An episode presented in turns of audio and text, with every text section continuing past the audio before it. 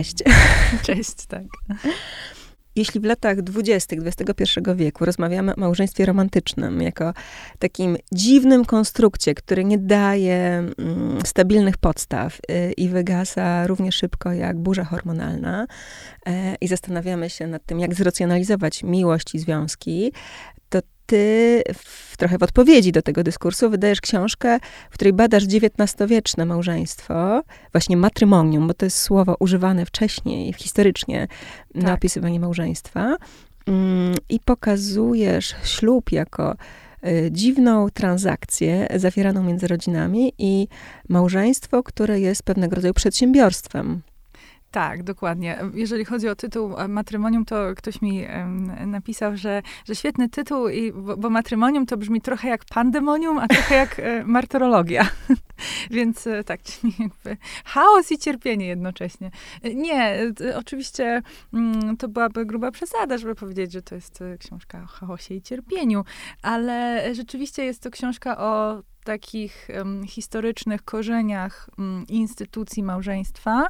Nie oczywiście w sensie takim, że opisuje małżeństwo od um, początku jego istnienia, tylko skupiam się na e, momencie, który jest istotny bardzo dla naszej współczesnej kultury i naszego współczesnego pojmowania małżeństwa, miłości romantycznej, ale też e, właśnie takiej rodzinnej. To znaczy na przejściu od takiego historycznego rozumienia do kształtującej się na przełomie wieku XIX i XX nowoczesności. To mhm. znaczy, to jest taki moment w historii, ten przełom wieku XIX i XX, kiedy kultura Europy Zachodniej, czy powiedzmy Europy Środkowej, naszych okolic, tak, zaczyna coraz bardziej przypominać to, jak wygląda nasz świat dzisiaj.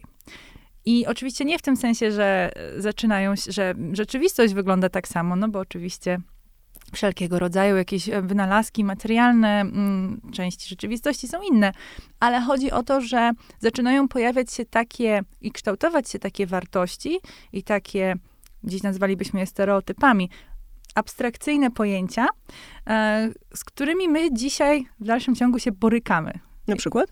Na przykład, co to znaczy być dobrą żoną? Mhm. Albo co to znaczy być dobrą matką? Chcesz powiedzieć, że w XVI wieku nie było takich zagwozdek? Ach, oczywiście, że były, tylko że um, one się w czasie zmieniały. W mhm. różnych okresach znaczyło to zupełnie różne rzeczy y, i różne takie pojęcia, które nam się dzisiaj wydają dość oczywiste, no bo na przykład, co to jest dzieciństwo? No, każdy wie, co to jest mhm. dzieciństwo, tak? E, w czasach e, dawnych, nie wiem, w XVII, XVIII wieku znaczyło coś raczej innego. Podobny niż... system wartości, mm -hmm. podobny sposób funkcjonowania świata, tak. jakieś warunki gospodarczo-kulturowe. Tak, zaczynają się wytwarzać na tym, w tym przełomie wieku XIX i XX właśnie takie różne pojęcia, które dla nas y, dziś są rozpoznawalne, tak? Czyli y, co to znaczy być ko kobiecą, mm -hmm. a co to znaczy być prawdziwą kobietą, tak? Taki na przykład. No bo XIX wiek brzmi strasznie odlegle, ale jeśli pomyślimy sobie o tym, że to jest rzeczywistość, y, w której żyły nasze praprababki, mm-hmm. czyli cztery pokolenia wstecz, to nagle okazuje się, że ewolucyjnie, myślę w kategoriach kultury, to jest bardzo nieodległa przeszłość i ona zdecydowanie mm, wpływa na naszą y, teraźniejszość. Tak, zdecydowanie. To znaczy, jak y, kiedyś y, studenci w trakcie zajęć mi tak powiedzieli, ja to w sumie potwierdziłam, oni mówią, że wie pani co, jak pani tak opowiada, to e, wy, wygląda to na to, że my w dalszym ciągu żyjemy w XIX wieku, tylko nie zdajemy sobie z tego sprawy. No i jasne, to jest pewnego rodzaju um, przesada, bo nie żyjemy w XIX wieku i bardzo dobrze, ale... Pewnie w as różnych aspektach no, w możemy aspekt. tam zaglądać. No, zdecydowanie możemy zaglądać, ale przede wszystkim ten XIX wiek żyje w nas. Mhm. To znaczy w nas żyją te różne przekonania o tym, jak należy postępować i różnego rodzaju e, właśnie... Siła tradycji. Tak, ten głos, który słyszymy w głowie, który nam czasem mówi, tego nie wypada, tak się nie robi, to znaczy być należy robić tak, należy robić inaczej. Szczególnie jeżeli chodzi o takie konteksty emocjonalne różnego rodzaju, to te klisze, które my mhm. dzisiaj w sobie mamy i które często ze złością odrzucamy jako takie, ach, przecież tak to nie jest, czasy się zmieniły, teraz dziewczynki już nie muszą, a chłopcy już też nie muszą i ludzie w ogóle nie muszą robić niektórych rzeczy to ten głos i te klisze, one właśnie wykształciły się w tym okresie, o którym ja piszę. I dlatego on jest dla nas taki ważny mhm. dziś. Specjalizujesz się w XIX wieku w swojej pracy naukowej. Tak. Jesteś badaczką kultury, ale jesteś też autorką e, trzech wcześniejszych książek, w których zajmujesz się takimi blokowymi tematami. Pracą seksualną, sytuacją służących Tak e, oraz pracow- robotnic, pracownic e, fabryk w Mhm. XIX wieku. Tak, y, ja wydałam wcześniej y, trzy książki w ramach mojej pracy naukowej. Ja pracuję w Instytucie Historii Nauki Polskiej Akademii Nauk i ja, się skupiam przez całą moją pracę naukową na mm, historii gender, tak? To znaczy na historii kobiet i na e, takich przemianach historycznych e, na temat tego, co to, zna, co to znaczy być kobietą i kobiecości. I w większości moich książek do tej pory zajmowałam się e, takim tematem, który można ująć ogólnie jako pytanie, co praca zawodowa robiła kobietom i co Mhm. robi nam i co robi nam do dziś w tym sensie. Jak prawda? zmienia ich pozycję społeczną, Tak. jak wpływa na wybory, sposób życia. Dokładnie, jak, jak zmienia ich pozycję społeczną, jak zmienia ich postrzeganie rzeczywistości, y, które kobiety miały dostęp do pracy, którego nie miały, jakiego rodzaju to była praca. I skupiam się w dużej części na kobietach z klas niższych, ponieważ ja też należę do tej grupy historyków, historyczek i badaczy, którzy obecnie zajmują się historią ludową Polski. To Mhm. jest taki temat, który jest dość szeroki i dość y, dużo różnych publikacji powstaje na ten temat. Bardzo mnie to cieszy, bo to jest... em, Trend ostatnich lat. to jest trend ostatnich lat, ale on jest naprawdę bardzo słuszny. To Mhm. znaczy, to jest e, taki sposób mówienia o historii, którego bardzo brakowało na polskim rynku i który pokazuje nam, że historia to jest coś więcej niż wypadkowa decyzji osób na, e, na wysokich stanowiskach. To jest coś więcej niż. e, Dzieje się oddolnie. tak, i to jest coś więcej niż kongresy e, bogatych, utytułowanych mężczyzn, którzy decydowali o losach świata. Tylko, że są tam też inni ludzie i bardzo wiele z tych osób nie należało do żadnej grupy uprzywilejowanej. Więc tak, zajmowałam się mm, w związku z tym losami kobiet z klasy robotniczej. Służącymi, robotnicami, pracownicami seksualnymi, zajmując się właśnie no, takim całym doświadczeniem kobiecym, tak? Bo też związanym z macierzyństwem, z seksualnością, z moralnością, z pracą, z wykształceniem, ze wszystkim. I napisałam teraz książkę na temat małżeństwa, która jest taką klamrą tak naprawdę. To znaczy, to jest książka, która trochę pokazuje y, temat, y, który odchodzi już od mówienia o konkretnych zawodach, ale pokazuje trochę, ym, w jaki sposób ta instytucja małżeństwa wpływała na wszystkie kobiety, niezależnie od, ich, od ich pozycji społecznej. E, Ważne jest też wydawnictwo. To jest wydawnictwo czarne, wydawnictwo, które słynie z wydawania reportaży. Mm, tak, ale y, to, to moja książka mm, należy do takiego, to jest ciężko trochę określić. Ja czas, czasem mam z tym problem, jak określać swoje książki, Mhm. bo chyba najbliższe jest mi określenie reportaż historyczny Mhm. i właśnie to jest tego rodzaju e, książka. To jest książka naukowa, popularno-naukowa, w tym sensie nie rezygnacji z warsztatu naukowego, tylko tego, żeby była napisana Mhm. językiem przystępnym dla każdego, bo na tym mi bardzo zależy. Jest bardzo mięsista, ale się jednocześnie bardzo dobrze czyta. A, bardzo dziękuję. Tak, to jest, ale to jest dla mnie bardzo ważne właśnie, żeby z jednej strony nie poświęcać warsztatu naukowego, czyli nie rezygnować z źródeł, przypisów, teorii em, i, i tak dalej, metodologii pracy, ale jednocześnie, żeby książka była dla czytelnika, Mhm. który nie jest zorientowany w żaden sposób w temacie, o którym ja piszę, w szerszy, w szerszy sposób, bo tak naprawdę no, zajmowanie się, ja wychodzę z założenia, że zajmowanie się jakimś tematem naukowo nie usprawiedliwia nas wobec tego, żeby to było niezrozumiałe dla nikogo poza kilkoma osobami, które się tym zajmują. Em, tak, i, i jednocześnie jest to właśnie reportaż historyczny. Ja się bardzo cieszę, że e, miałam okazję wydać książkę w wydawnictwie Czarne. To, to jest wspaniałe wydawnictwo, którego jestem wierną czytelniczką od wielu lat, więc to, to bardzo mm, dla mnie satysfakcjonujące. I też cieszę się, ponieważ ta książka ma szansę dotrzeć do e, większej grupy czytelników. No bo wydawnictwo Czarne jest pewną marką, która jednak Ma swój fandom. ma swój, fan, ma swój fandom, tak, i mam nadzieję, że będę mogła do, do, do niego należeć nie tylko od strony fanki, ale też osoby, która produkuje. Zaczynasz od y, właśnie wy, wyboru y, odpowiednich małżonków. Co ciekawe, y, różnica wieku między kobietą a mężczyzną w XIX wieku powinna wynosić od 10 do 20 lat. Tak, y, to zależy y, od kogo spytasz, bo oczywiście w pewnym momencie na przełomie wieków zaczęli pojawiać się higieniści, czyli mm, głównie lekarze, ale też osoby związane po prostu ze zdrowiem, ze służbą zdrowia, mm, ze zdrowiem społecznym, powiedzmy, którzy zaczęli pisać o tym, że zbyt duża różnica wieku między żoną a mężem sprawia, że dzieci, które się z takiej relacji e, rodzą, mogą nie być zdrowe, więc oni zalecali właśnie maksymalnie 10 lat. No ale praktyka społeczna była raczej taka, że właśnie ta różnica wieku wynosząca około dekady mhm. albo trochę więcej była uważana za słuszną. Ja na z ekonomii, mhm. dlatego że nastoletnia panna jest wydawana za mąż za mężczyznę, który jest w stanie utrzymać. Tak. To znaczy właśnie, no, mm, to, to ja pokazuję w swojej książce bardzo wiele różnych praktyk społecznych, które moim zdaniem i takich właśnie stereotypów, i takich kalek różnych, i związanych z małżeństwem, które wynikają moim zdaniem w dużej części, jak jeżeli nie w większości, z sytuacji ekonomicznej, to znaczy z sytuacji na rynku pracy, z dostępem do pracy zawodowej i tym, kto trzymał kasę, mówiąc mhm. potocznie a które zostały obudowane mnóstwem różnych takich mm, jakichś uzasadnień ym, zewnętrznych, tak? To znaczy, no właśnie to jest świetny przykład, to o czym mówisz. To, że mężczyzna powinien być o, e, starszy od kobiety.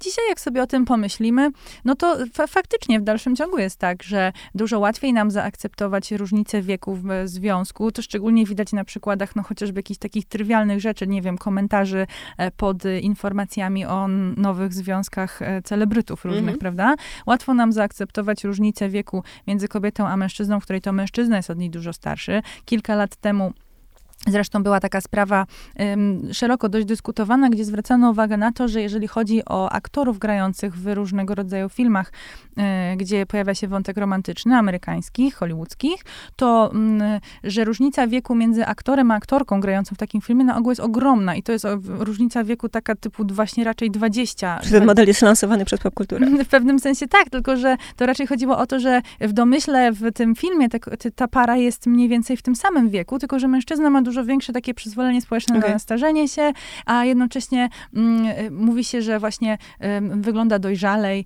i, i, i taki jest bardziej pociągający, prawda? Jak jest troszkę, troszkę starszy. No właśnie, więc ta różnica wieku. No więc my bez trudu sobie możemy wyobrazić, nie, że Jakie są, jakie są e, argumenty, które mówią, no tak, no mężczyzna powinien być starszy od kobiety, no bo jest wtedy dojrzalszy, bo jest wtedy bardziej zrównoważony emocjonalnie. Ma doświadczenie życiowe, tak. może ją ochronić, wprowadzić mm -hmm. w życie. Ma lepszą pozycję społeczną, e, być może już, już się wyszalał, tak, wyszumiał, e, ma, ma, jest gotowy na dzieci na przykład, prawda? Czyli dojrzał psychicznie tak. do pewnej roli. I też jeszcze cała ta dyskusja o tym, że chłopcy dojrzewają wolniej, że dziewczynki są szybciej mm -hmm. dojrzałe, więc ta różnica wieku nie jest taka duża tak naprawdę, no bo emocjonalnie oni są na podobnym poziomie, jeżeli kobieta jest młodsza. Więc to są to, te wszystkie argumenty, które wynikały, mhm. zostały obudowane mm, po prostu w, w, służące temu, żeby uzasadnić fakt, że mężczyzna żenił się w XIX wieku z kobietą, która była od niego co najmniej dekadę młodsza, głównie z powodów finansowych. Dlaczego? Okej, okay, bo mówimy o czasach, w których kobiety z klas wyższych niż robotnicza, nie mówię o chłopkach, nie mówię o um, proletariacie miejskim. Nie pracują. Nie pracują. Co oznacza, że nie wytwarzają dochodu mhm. żadnego. I nie wytwarzają go po pierwsze dlatego, że nie mają kwalifikacji do pracy, a po drugie dlatego, że praca zawodowa nie mieści się w normie kulturowej. Czyli one nie... Ale ja tu muszę powiedzieć stop, no bo okay. oczywiście one pracują i w momencie, kiedy dochodzi do tego um, zawarcia tego związku małżeńskiego, one wchodzą w rolę osób, które stają się takimi takimi producentkami życia codziennego. No tak, ale to jest praca, która jest oddzielnym tematem, jest bardzo szeroko dyskutowana i chętnie o tym za chwilę porozmawiam. Natomiast chodzi mi o to, że one nie wytwarzają żadnego um, dochodu, dochodu. W, w, pieniądzach, tak? Chciałam powiedzieć w rublach. I teraz też mówię stop, Aha. bo piszesz o posagu. No właśnie, więc...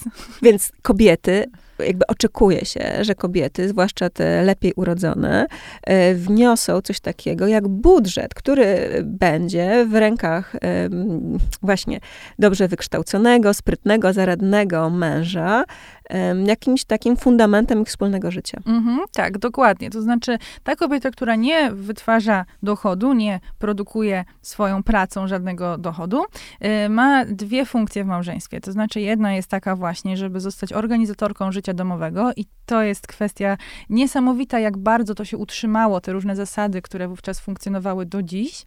A druga, to jest to, że ona przynosi posag, który następnie ma zostać złożony na lokatę w banku i przynosić coroczny e, dochód z tej lokaty, który jest traktowany jako taka jakby pensja tej żony.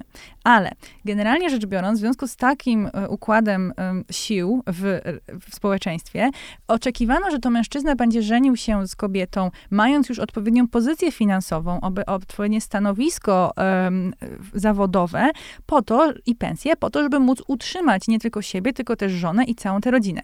No, możemy sobie wyobrazić, że dla wielu kobiet to nie była um, najlepsza sytuacja, no bo um, być może wolałyby mm, wyjść za mąż za jakiegoś rówieśnika albo za kogoś ze swojej grupy towarzyskiej na przykład, prawda?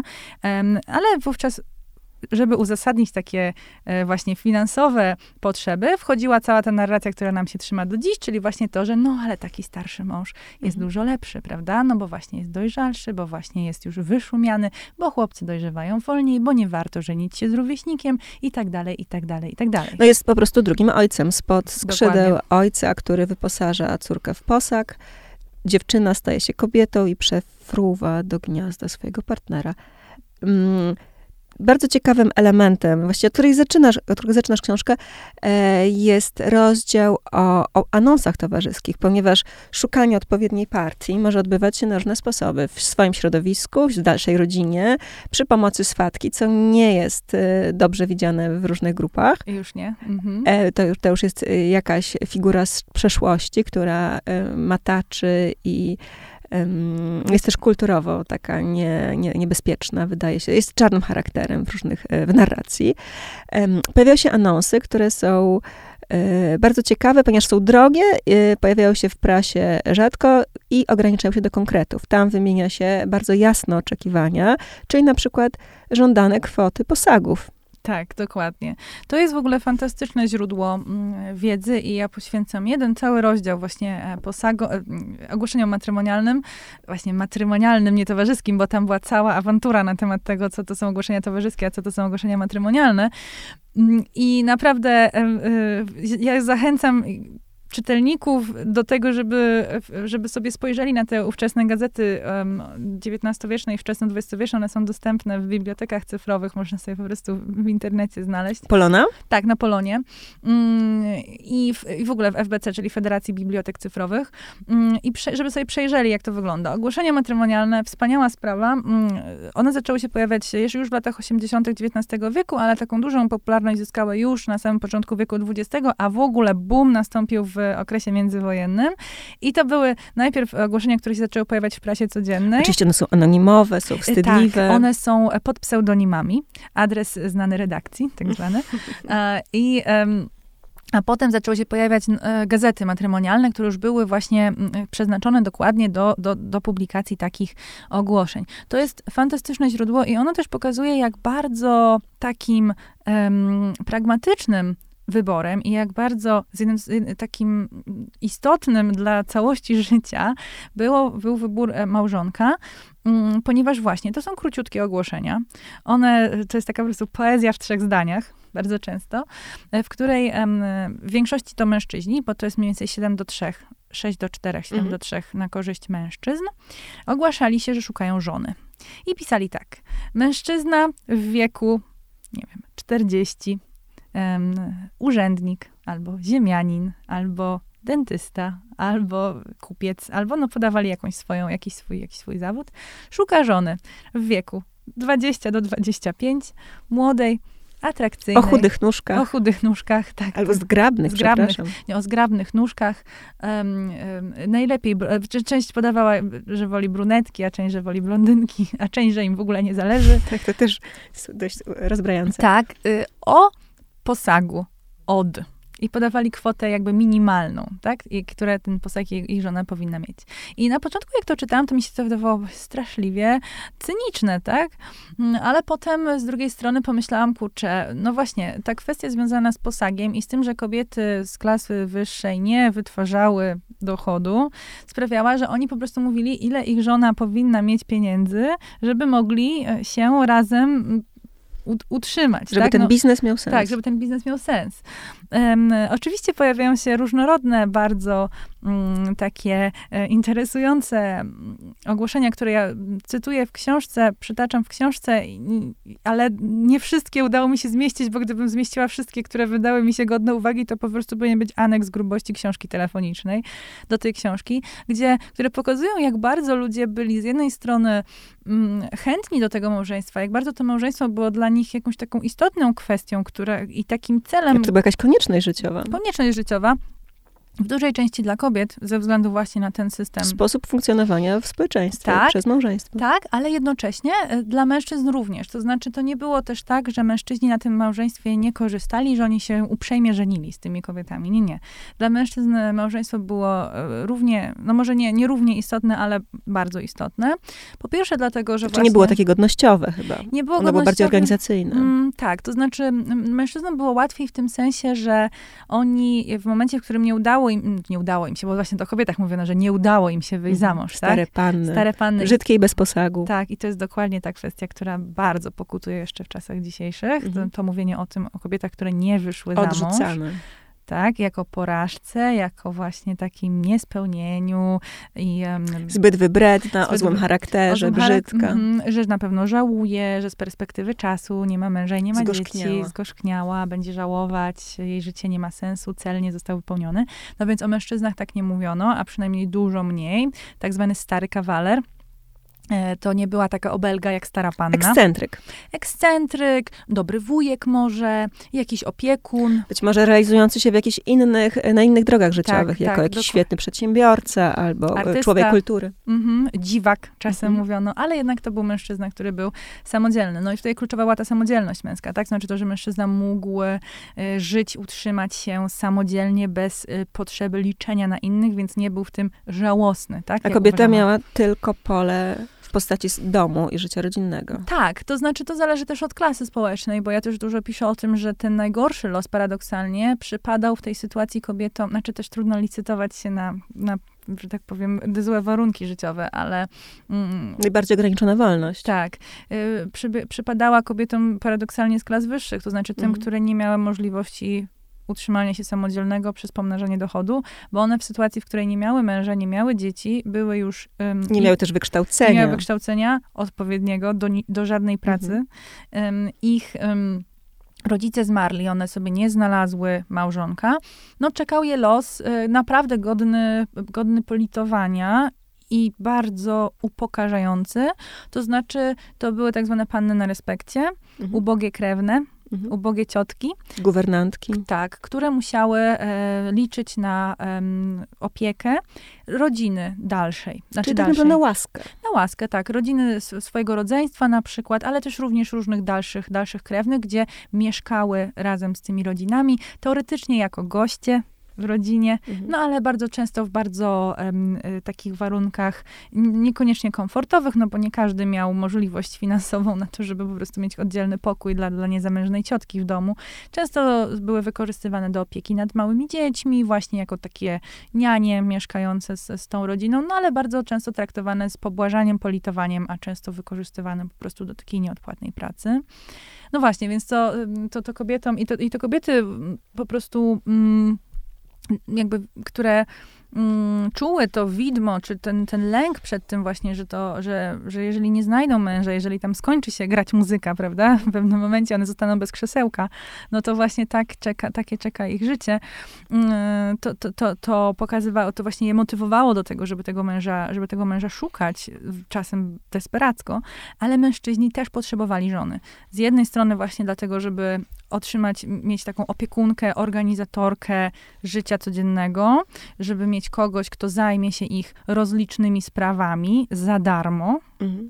E, a jednocześnie mm, no, potrzebowali żony do tego, żeby przedłużyć swoją, swoje nazwisko, mieć dzieci, mm, ale też często mm, kobiety I małżeństwo w ogóle były wykorzystywane znaczy przez obie strony właściwie jako rodzaj awansu społecznego. I to nie mówię o takim awansie. E, Transakcja wiązana. Tak, nie mówię to o takim awansie w rodzaju służąca żeni się z księciem, tak? Zresztą takie sytuacje zdarzały się naprawdę. Ale to jest mezalians, do tego dojdziemy. Tak, tak, tak. Ale raczej mówię o takim, ja ci dam to, a ty mi dasz to, tak? Czyli na przykład, na przykład. córka fabrykanta z -hmm. wielkim posagiem ratuje reputację hrabiego, który ma tytuł, ale przegrał swój majątek w karty. Tak, to brzmi bardzo melodramatycznie, ale, ale dokładnie tak. To znaczy, niezamożny ziemianin z podupadłej rodziny z nazwiskiem żeni się z córką miejskiego kupca bławatnego. Ona ma duży posag, wyremontują za to dworek, e, a oprócz tego e, te środki złoży się właśnie na lokatę i będą mieli jakiś e, dochód.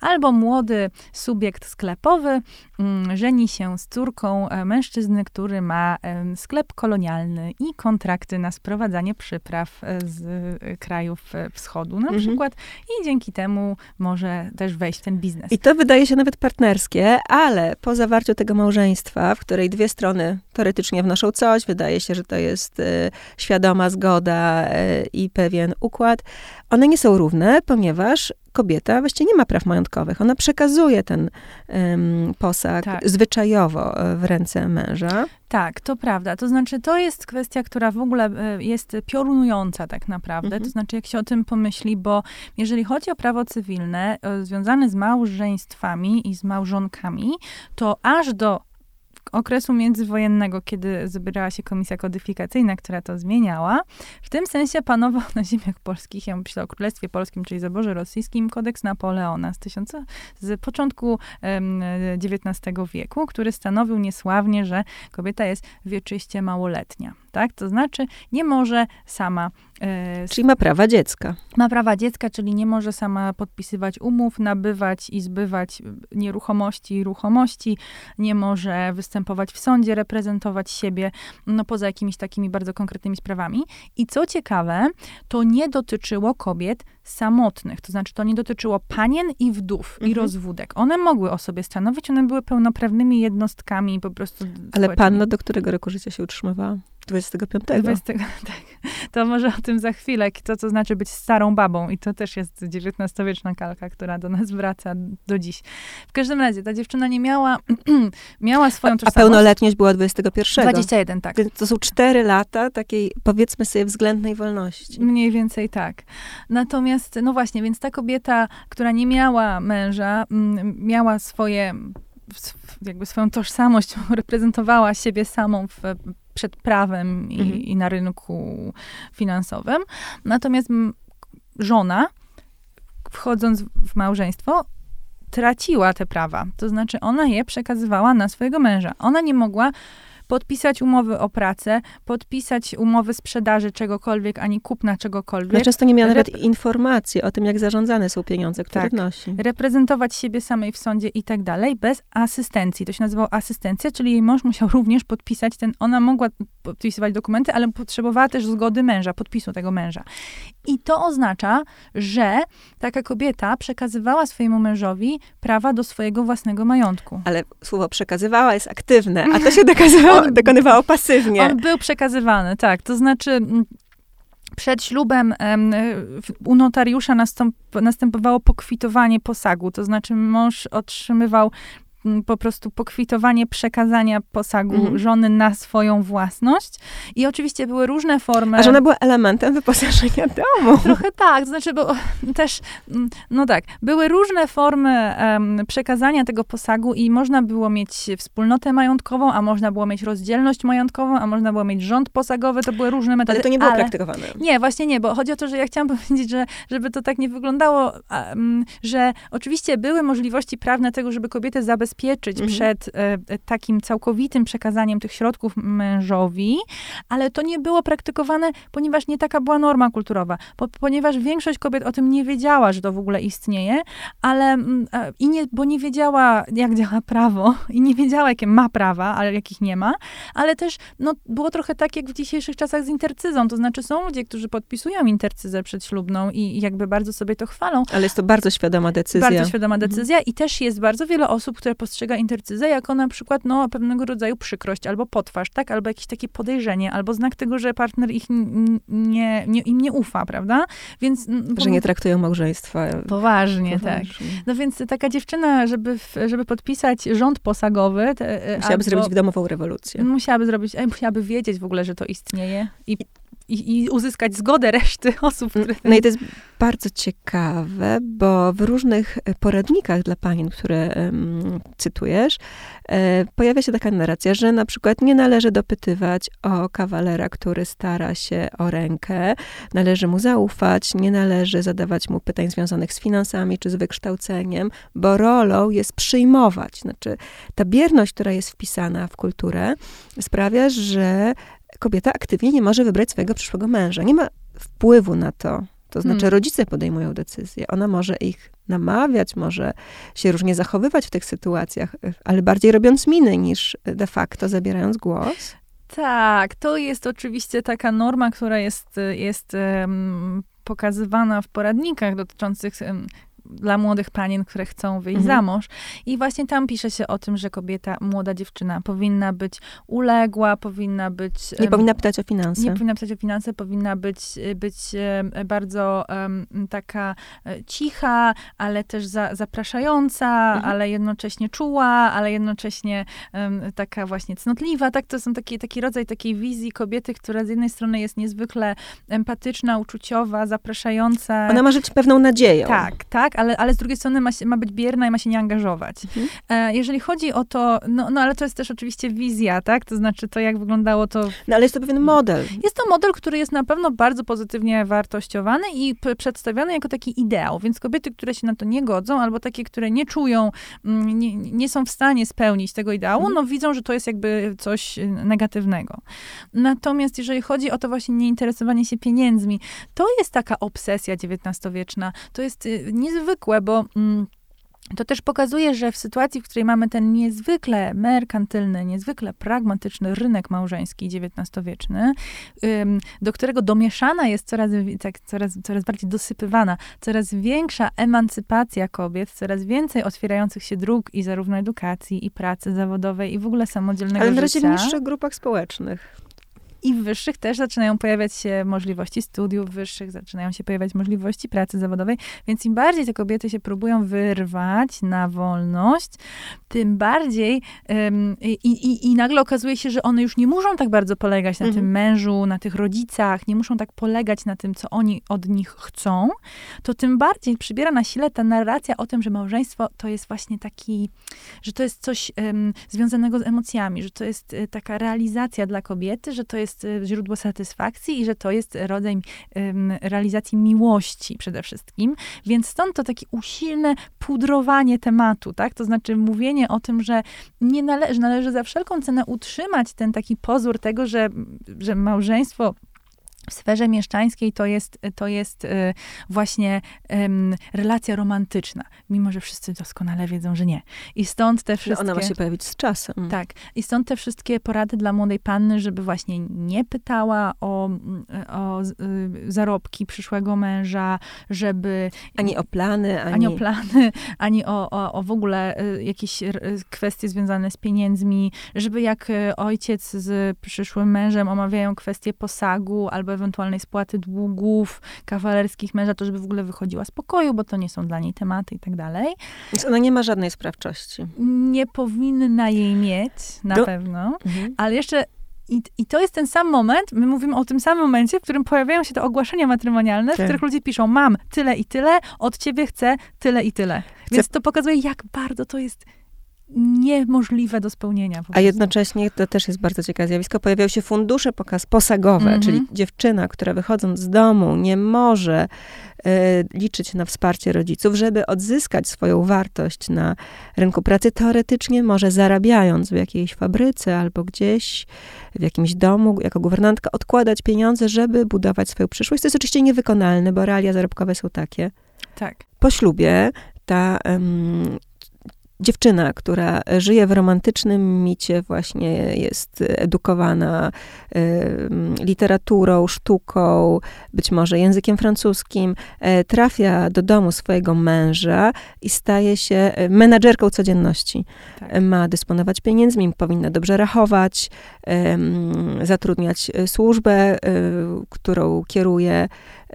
Tutaj mam nawet taką rozpiskę jej codziennych obowiązków, które zaczynają się rano. 7.30 śniadanie, 8.09 zmywanie szkła i porcelany, dokończenie toalety, później recepcja, szy, reparacje i szycie, później zajęcia okresowe lub sporadyczne na mieście, na przykład sprawunki, krawcowa, PKO, Następna godzina to jest 13-14, rachunki, kontrola i wykończenie porządków. 14-15, czyli tylko godzina, zajęcia umysłowe, korespondencja gazety. Tak. 15-16 pomoc w kuchni, nakrycie do stołu, 16-17 obiad, 17-19.30 zajęcia z dziećmi, pomoc w lekcjach, później kolacja, tylko pół godziny, 19.30, 20. Nie za bardzo rozmawiano przy kolacji. Nie. I uwaga, jej czas wolny, który powinna poświęcić na rozwój, y, beletrystykę, kino, teatr, to jest 20-22. Tak Więc y, początek, to jest początek XX wieku, bo tutaj mam taką informację. Właściwie 100 y, lat temu, można wyobrazić tak, sobie taką rzeczywistość. 20, dokładnie to, o czym um, i, i, i, I klasa średnia, kobieta, która nie pracuje, właściwie nie ma takiej przestrzeni na to, żeby się rozwijać w, w innej e, przestrzeni niż dom. I jest powiązana e, z całą siecią różnych podwykonawców w postaci praczek, e, służby, właśnie guwernantek, z którymi też się musi odpowiednio porozumieć. Ty piszesz w swojej książce, że kobiety nie mają takich umiejętności menedżerskich, że nikt ich do tego nie przysposabia. Tak, to jest e, bardzo, znowuż, współczesna kwestia, dlatego że mm, jeszcze w XIX wieku mówimy o e, sytuacji, w której pojawia się taki problem, że mamy dziewczyny, które są edukowane w tak zwany tradycyjny sposób, to znaczy w klasie wyższej uczone języków, tańca, śpiewu, e, talentów tak zwanych, czyli po prostu umiejętności, które mają przyciągnąć męża, ale e, zupełnie nie dodaje się do tego żadnej takiej edukacji codziennej, takiej związanej z mm, home economics, tak? To mhm. znaczy z takim prowadzeniem domu, jakichś praktycznych, praktycznych kwestiach, już nie mówiąc o tych sprawach finansowo-prawnych, o których mówiłyśmy wcześniej. One tego nie obserwują u swoich matek? Nie obserwują tego, właśnie, nie obserwują tego u swoich matek często dlatego, że ich, ich się nie włącza w codzienne życie. E, to znaczy ich się nie włącza w prowadzenie domu w żaden sposób. Dziewczyny z klasy średniej Mm, najpierw są edukowane w domu do około 10 roku życia przez guwernantki albo przez własną matkę, po prostu są w nauczaniu domowym, jakbyśmy mhm. to dzisiaj nazwali, a później praktyką jest to, że idą do, na pensję. Y, dla panien, którą kończą około 15-16 roku życia i to często jest pensja z internatem. Czyli są jakieś wyabstrahowane przestrzeni. Tak. I też praktyką jest to, żeby ich nie włączać w takie zadania, bo one mają się skupić na nauce i na mm, pielęgnowaniu swoich talentów artystycznych. I im bardziej rodzina aspirująca, tym mniej się je w ogóle dopuszcza do takich rzeczy, bo, bo, bo to chodzi o to, żeby sobie udowodnić i nie tylko sobie, tylko światu, że się ma wystarczająco dużo pieniędzy, żeby właśnie córka nie w ogóle nie wiedziała takich rzeczy. No i następnie taka dziewczyna wychodzi za mąż i okazuje się, że musi właśnie zostać panią domu.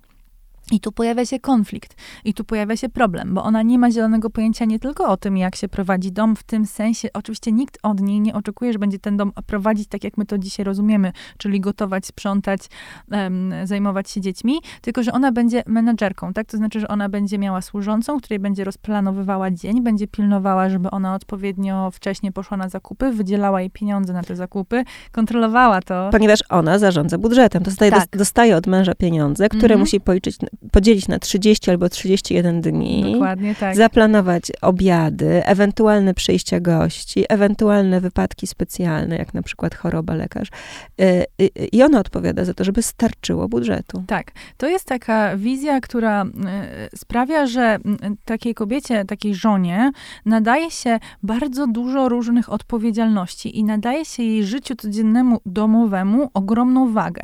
I to jest taki rodzaj właśnie konserwatywnego mówienia, mówienia o mm, rzeczywistości, które trochę pokutuje do dziś. To znaczy mm, takie, jednocześnie żyjemy w świecie, w którym kobiety nie pracują zawodowo, bo nie mogą, albo nie jest to norma, jeżeli chodzi o klasy wyższe, ale w zamian za to funkcjonuje rozhulana narracja o tym, że to właśnie mm, zarządzanie domem jest po prostu najważniejszą y, y, funkcją kobiety, jest dla niej spełnieniem jej y, marzeń i satysfakcji, a jednocześnie, że jest kluczową rolą społeczną, że bez tego jej działania w domu małżeństwa się sypią, dzieci są źle wychowane, naród cierpi, no i po prostu, że to jest taka podstawa funkcjonowania.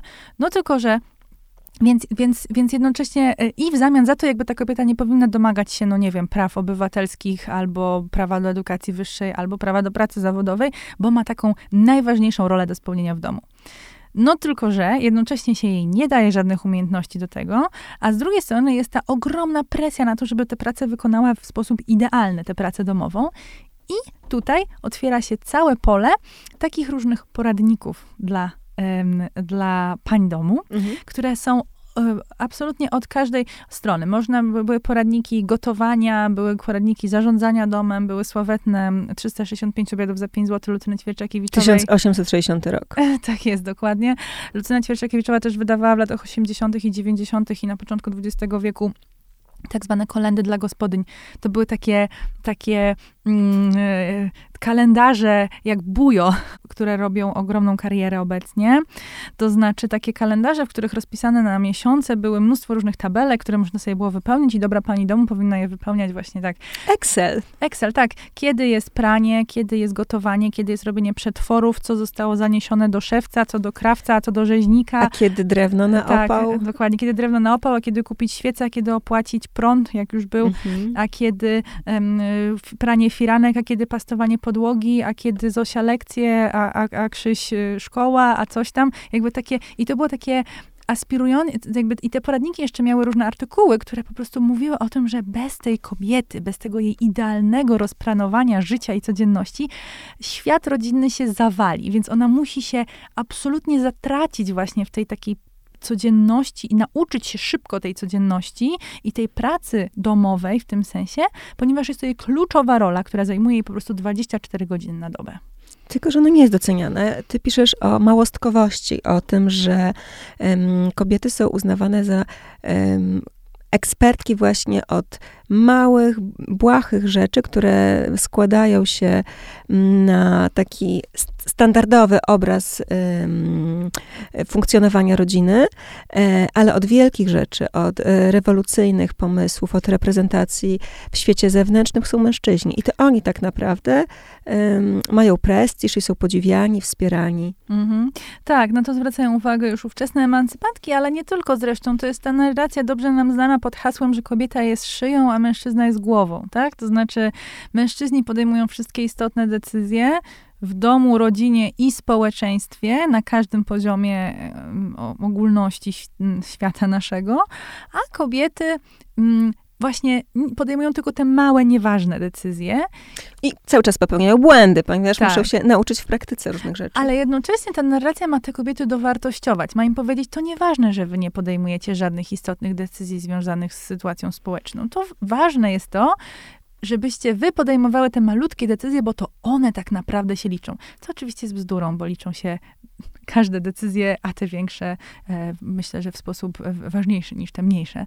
Mm, ale to właśnie ma te kobiety dowartościować z jednej strony, a z drugiej strony je po prostu steroryzować, tak? To znaczy mówi się, to jest najważniejsze i bądź z siebie dumna, że umiesz dobrze zaplanować wekowanie. Jeśli, jeśli potrafisz. Jeśli potrafisz, wekowanie śliwek, a z drugiej strony tylko do wekowania się nadajesz. Ty tam bardzo często mówisz o wstydzie, o tym, że jeżeli coś się nie udaje, na przykład budżet nie styka i kobieta musi pójść poprosić o pieniądze męża, to on e, według e, pamiętników jednej e, z, służących mhm. nie słyszy tego, jak pani go pyta i, pani tej służącej, czyli jego żona i y, trzy razy każe sobie powtórzyć, aż w końcu rzuca jej pieniądze na podłogę w takim geście, że ona musi uklęknąć i te y, pieniądze zebrać tak. z podłogi. Y, są też znane przykłady zapożyczania się u służby, żeby mhm. uniknąć blamażu w oczach męża. Mm, no i to jest jakieś takie pole y, walki, to znaczy to małżeństwo nie jest y, to korporacja, w której członkowie zarządu zbierają się i, i, negocjują albo ustalają, e, tylko raczej konkurują ze sobą i e, egzekwują twardo swoje powinności. Tak, dokładnie. No właśnie, no e, tak to wygląda. To znaczy, znowuż mamy tutaj kobietę młodą czy starszą, która m, musi nagle umieć zarządzać budżetem domowym i to jednocześnie budżetem, który jest od niej całkowicie niezależny. To, czy ona dostanie całą pensję męża, pół pensji męża, czy jakąś arbitralną kwotę, która się może zmieniać od miesiąca na miesiąc, to jest tylko w gestii jej e, małżonka. I, to, mm, I ona musi e, zarządzić tymi pieniędzmi w sposób właśnie taki odpowiedni, ponieważ poradniki i społeczeństwo mówią jej, że jeżeli na coś nie starczy, to znaczy, że to jest kwestia złego planowania. I to w ogóle jest taka kwestia związana z mm, oczekiwaniami wobec kobiet i ich sytuacji życiowej. To znaczy, jeżeli coś się nie udaje, to to jest kwestia złego planowania. Trzeba było lepiej się zorganizować, lepiej zaplanować, lepiej przewidzieć, nie? A co z rozwodami? Bo e, Eliza Orzeszkowa, którą powo- przywołujesz w tej mhm. książce, po nieudanym związku jakby rzuca swoją e, rolę ziemiańskiej pani domu, tak. sprzedaje majątek, bo jak się przyznaje, nie potrafi nim zarządzać, boli ją głowa od spotkań z prawnikami, więc porzuca, jedzie do Grodna i zaczyna pisać. Tak. Znaczy, to jest też e, kwestia tego, że ona po prostu orientuje, ona wyszła za mąż bardzo młodo, miała 16 lat i po kilku latach zorientowała się, po no mniej więcej 8-10 latach zorientowała się, że, że jak już miała lat 20 kilka, zorientowała się, że jej, że, że, że po prostu jej małżeństwo nie jest, nie jest e, dla niej satysfakcjonujące i, i nie kocha swojego męża i nie chce z nim, z nim być. Czy plan się nie udał? Tak, no... Mm, ona też pisze o tym, że ona wyszła za mąż dlatego, że chciała być niezależna od matki. To znaczy, że ona już miała dosyć tego, że mama jej mówi, co ma robić i jakie ma nosić sukienki. I to była jakby główna emancypacja od matki. To była główna, główny powód jej, jej wzięcia ślubu z mężem, oczywiście dwukrotnie od niej starszym. Nie ma czegoś takiego jak rozwody, jest unieważnienie małżeństwa. No Eliza Orzeszkowa y, po prostu za pomocą łapówek oraz, oraz rozlicznych wizyt u biskupów e, porzuca, e, udaje jej się doprowadzić do unieważnienia e, swojego małżeństwa. I ona potem pisze o tym, że właśnie ona była absolutnie nieprzygotowana do roli żony, że ona nie wiedziała, jak, e, jak, z czym się tak naprawdę wiąże małżeństwo, bo nikt jej o tym nigdy nie powiedział. Ona ma żal do siebie, że była taka naiwna, ma żal do swojej rodziny, ma żal w ogóle do systemu społecznego. Ale jest w stanie to powiedzieć i obiera własną drogę. Tak, tak. I realizuje się. Zostaje pisarką, um, poświęca bardzo dużo swojej kariery nie tylko na pisanie powieści, które zajmują się różnego typu kwestiami społecznymi, ale ale też pisze dużo tekstów emancypacyjnych, między innymi taki długi traktat Kilka słów o kobietach, który jest właśnie takim, on powstaje w latach 70. XIX wieku, który jest takim długim tekstem e, na temat roli, sytuacji kobiety w ówczesnym społeczeństwie, w którym Orzeszkowa y, pisze wprost o tym, że kobiety są nieprzygotowane, naiwne, trzymane w ignorancji przez, przez rodziny i przez społeczeństwo i to sprawia ogromnie dużo różnego rodzaju dramatów na każdym polu rodzinnym, zawodowym, e, finansowym i że trzymanie kobiety w roli takiego lalki, bądź roślinki, bądź anioła jest, jest, jest dla nich ogromną krzywdą. Zupełnie inaczej wyglądają relacje e, w klasie robotniczej czy w klasie, klasie chłopskiej. Tam kobiety pracują na równi z mężczyznami.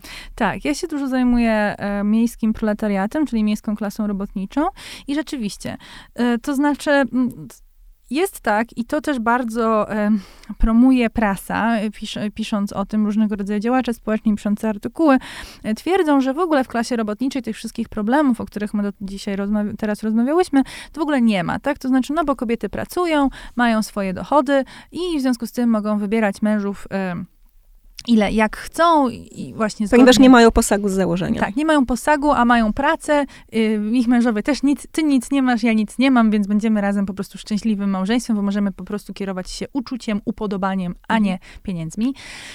No i y, to nie jest takie proste. Mhm. Bo tak, z jednej strony rzeczywiście kobiety z klasy, miejskiej klasy robotniczej później wychodzą za mąż niż y, ich rówieśniczki z klas wyższych. Rzadziej wychodzą za mąż. Większość służących jest niezamężna. 25% robotnic ma męża i pracuje jednocześnie. Ale kuszące jest powiedzieć, że no tak, to dlatego, że one po prostu mają swoje pieniądze, więc po co im mąż, są niezależne, nie, mm. muszą, nie muszą wychodzić za mąż. Ale to nie do końca tak. Kobiety z klasy robotniczej również chciały wychodzić za mąż, również była to ich ambicja i cel życiowy w podobnym stopniu jak kobiet z klasy wyższej. Um, często również ze względów finansowych, ponieważ znowuż u nich problem był taki, że pieniądze, które one otrzymywały jako pensje, naprawdę nie wystarczały na to, żeby żyć samodzielnie i się samodzielnie utrzymywać, albo wystarczały na życie w bardzo trudnych warunkach. I one często mieszkały razem, miały współlokatorki, mieszkały ze swoimi rodzinami, w których mhm. wszyscy pracowali. Więc znalezienie sobie męża, który również pracował, było takim, no po prostu sposobem na przetrwanie, no bo we dwójkę raźniej, tak? We, we dwójkę łatwiej.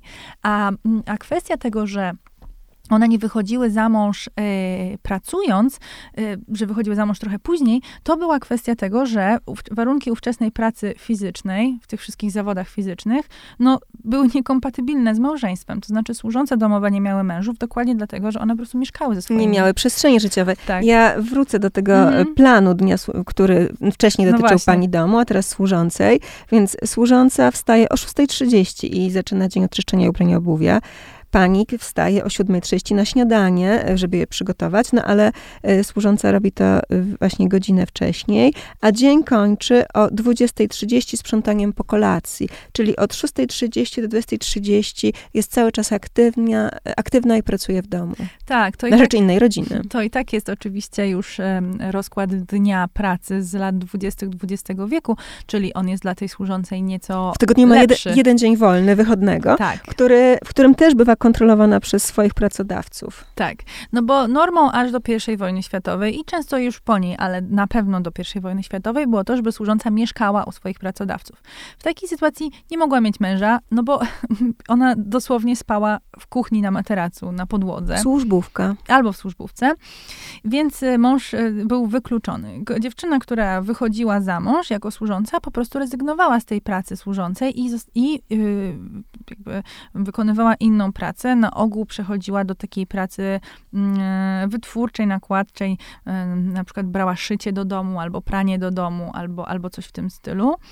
Mm, robotnice często nie wychodziły za mąż e, bardzo młodo, chociaż one relatywnie, one relatywnie mogły jakoś pogodzić małżeństwo i macierzyństwo z pracą, bo... Mówimy tutaj o jakichś żłobkach, stołówkach. Tak, tak, tak, tego typu, tego typu sprawy, ale też one często mieszkały na osiedlach robotniczych, gdzie miały... Ale mają 12-godzinne zmiany. Tak, dokładnie. Zmiany są 12-godzinne i skrócone w sobotę jeszcze szósty, szósty dzień pracy. Plus opisujesz takie badania, w których y, gwałtownie zmniejsza się śmiertelność noworodków, dlatego że w jednej z łódzkich fabryk właściciel zarządza sześciotygodniowy urlop e, macierzyński po porodzie. Tak, tak. To jest jakąś e, wspaniałą myślnością. Tak, no właśnie, bo też kwestia około opieki okołoporodowej, urlopów macierzyńskich, w ogóle urlopów zdrowotnych, ona aż do początku wieku XX niekoniecznie istniała. Znaczy były różnego rodzaju walki o to, ale to nie było normą i zależało dosłownie od widzimisię danego pracodawcy.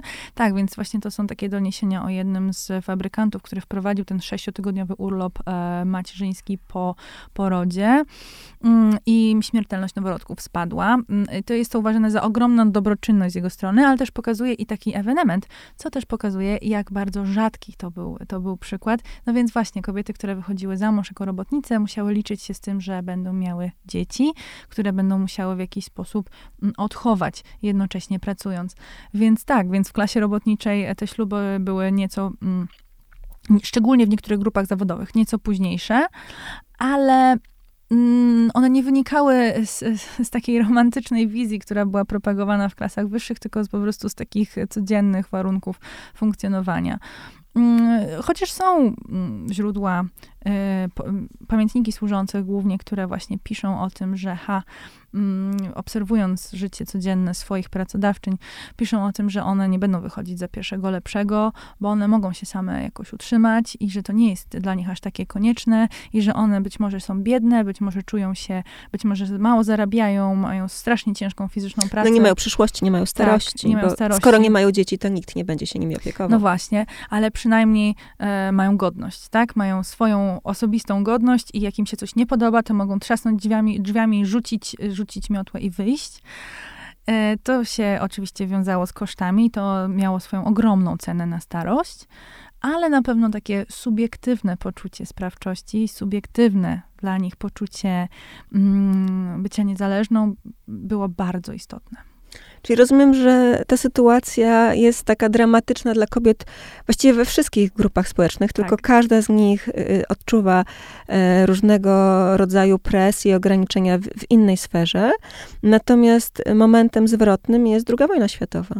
Zdecydowanie, tak. Y, tym momentem zwrotnym jest II wojna światowa. Oczywiście sytuacja zmienia się już w trakcie międzywojnia, to znaczy w latach 20. i w latach 30. zaczynamy widzieć coraz więcej takich... No, ale może chodzi właśnie o pierwszą wojnę, która która na przykład tak. zmniejsza populację mężczyzn. Po pierwsze tak, po drugie wpycha mnóstwo kobiet na rynek pracy e, ze, względu, ze względu na niedobory po prostu mhm. kadrowe. Po trzecie, e, spra- po, trzecie po, po pierwszej wojnie światowej w większości krajów europejskich e, i nie tylko e, kobiety uzyskują prawa wyborcze, e, więc mogą partycypować jakby w życiu też politycznym.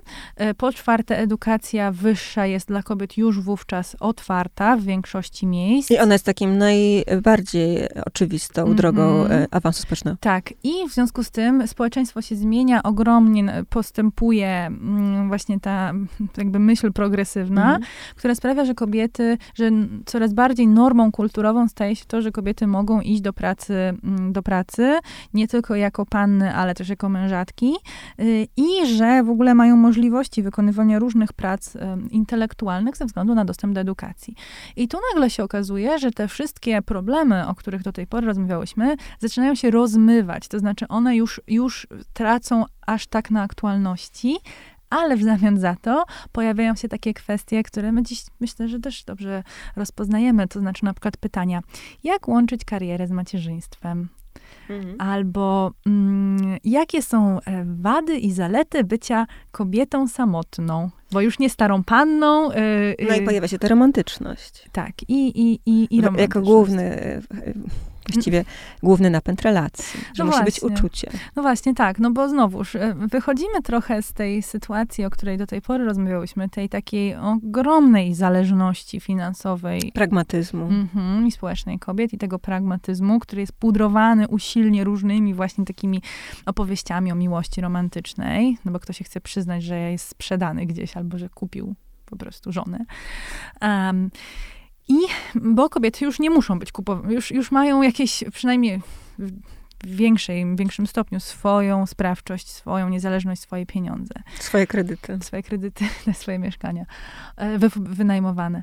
Mm, tak. E, I, um, I wtedy, no ale znowuż, e, kultura i społeczeństwo bardzo um, gwałtownie i jakby intensywnie reagują na duże zmiany i na e, wy, wychodzenie kobiet e, na, szczególnie wybijanie się kobiet na niezależność. Więc zaczynają znowuż pojawiać się um, kontrargumenty. Dlaczego kobieta ma wyjść za mąż? No już nie dlatego, że po prostu musi ją ktoś utrzymać, albo bo będzie starą panną, z której wszyscy się będą wyśmiewać. Nie.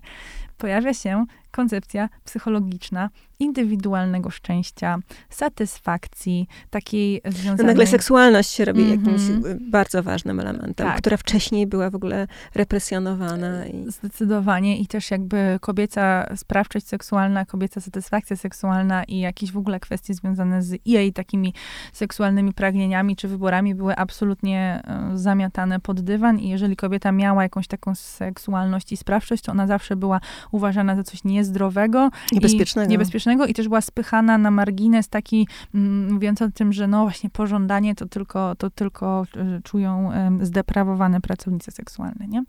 No w każdym razie, no więc w tym międzywojniu nagle zaczyna się, okazuje się, że należy wyjść za mąż, po prostu dlatego, że to jest satysfakcjonujące, że to sprawia, y, że kobieta ma poczucie celu. No ale tak? w dobie kryzysu rodziny i małżeństwa, po stu latach tak. od tej rewolucyjnej zmiany, jak myślisz, w jaką stronę zmierzamy? Hmm.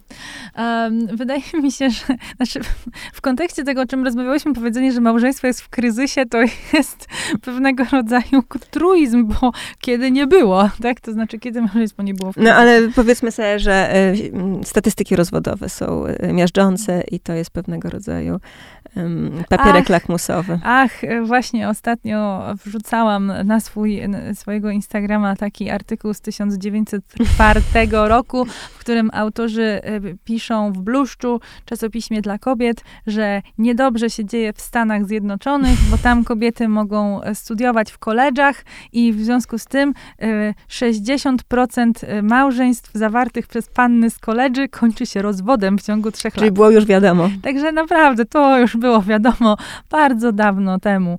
Mm, Cóż. Wymigasz, wymigujesz się od odpowiedzi. No dobrze, to postaram się odpowiedzieć, jaką, jaka przyszłość stoi przed małżeństwem.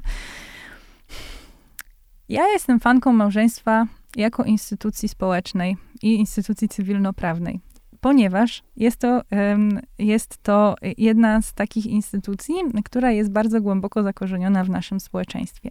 I dążenia na przykład, nie wiem, grup LGBT do tego, żeby ich prawa jako małżonków zostały uznane na równi z prawami małżeństw heteroseksualnych, jest y, dowodem na to, że jest to istotny krok w życiu dla bardzo wielu osób który, mhm. i bardzo wielu ludziom na tym zależy, żeby ślub wziąć. Na pewno, y, i, i ja się absolutnie temu e, nie dziwię, bo to jest pewnego rodzaju deklaracja społeczna i kulturowa, która sprawia, że e, społeczeństwo, e, mamy inną pozycję i społeczeństwo na nas patrzy inaczej. Mówiąc o tym w sytuacji, w której mamy równość, a przynajmniej deklaratywnie mamy równość i staramy się tę równość utrzymywać. Dążymy. Między, dążymy do tej równości między kobietami i mężczyznami. Możemy mieć pewne nadzieje na to, że ten związek małżeński będzie zawierany w sposób, um, w sposób swobodny i że będzie zawierany przez osoby, które są tego pewne i chcą to zrobić. Natomiast mówiąc to, jako osoba, która sama ma męża. Mm. E, I rozumiem naprawdę, na, naprawdę to, że to jest pewnego rodzaju bardzo unikalna instytucja społeczna i nie wróżę jej upadku mm. żadnego. Natomiast rozumiem odrzucenie instytucji małżeństwa, przede wszystkim religijnego małżeństwa, nie małżeństwa cywilnego, tylko małżeństwa religijnego, jako sposób protestu przeciwko e, obecnej może należy przemodelować. Roli Kościoła. Tak, y, ale też rozumiem odrzucenie koncepcji małżeństwa też w sferze tego małżeństwa cywilnego, ponieważ małżeństwo, jak już dzisiaj o tym rozmawiałyśmy, ma tak długą historię związaną z represjonowaniem kobiet, ma tak długą historię bycia takim narzędziem do kontroli kobiet, straszakiem. Te role są chyba w nas po prostu tak. zakorzenione. I że... właśnie te XIX-wieczne role są w nas tak zakorzenione, że jest mnóstwo ludzi, którzy zamiast powiedzieć sobie, hej, ja to zrobię inaczej, mamy inne czasy i myślę, że małżeństwo nie jest tu winne, winne są tutaj mechanizmy społeczne dookoła tego małżeństwa, to zamiast tak powiedzieć, mówi, nie, ja odrzucam w ogóle tę koncepcję małżeństwa, to jest przeżytek, to jest patriarchalny konstrukt społeczny, to jest kwestia, to jest e, narzędzie do uprzedmiotowienia kobiet, to jest kontrola kobiet, to jest zanikanie, to, to jest jakby znikanie tożsamości kobiety, która przejmuje tożsamość swojego męża po ślubie i tak dalej, i tak dalej. I ja się temu nie dziwię i ja to rozumiem. Mhm. Więc jak pytasz się mnie o mm, przyszłość małżeństwa, to ja mogę powiedzieć tylko, że ono nie zniknie, nie, w to nie wierzę, ale na pewno przejdzie dużą metamorfozę. Myślę, że co najmniej tak dużą metamorfozę, jaką przeszło między czasami, o którym rozmawiałyśmy, czyli ostatnie tak. 100 lat temu, do dzisiaj. No może gdzieś wypośrodkuję te dwie linie między pragmatyzmem a uczuciem. Może tak, może tak, bo popadanie w żadną z tych skrajności nie jest chyba skutecznym sposobem na satysfakcję z życia. Od razu możemy zapowiedzieć twoją nową książkę, która zaczyna powstawać. tak. E, e, myślę, że nie chciałabym jeszcze nic obiecywać, aczkolwiek e, teraz zajmuję się w ramach pracy um, pisaniem o guwernantkach. Będę zajmować się um, kobietami pracującymi z dziećmi i pisać o tym, dlaczego to jest tak sfeminizowany zawód i skąd się wzięły te wszystkie teksty o powołaniu, pracy. Czyli podstaw. dawne guwernantki, a dzisiejsze nauczycielki system szkolnictwa w Polsce? że już masz tytuł. E, tak, coś, coś w tym stylu, ale to jeszcze, e, że tak powiem, po jeszcze chwilę czekamy. Dobrze. Dziękuję bardzo za rozmowę. Dziękuję.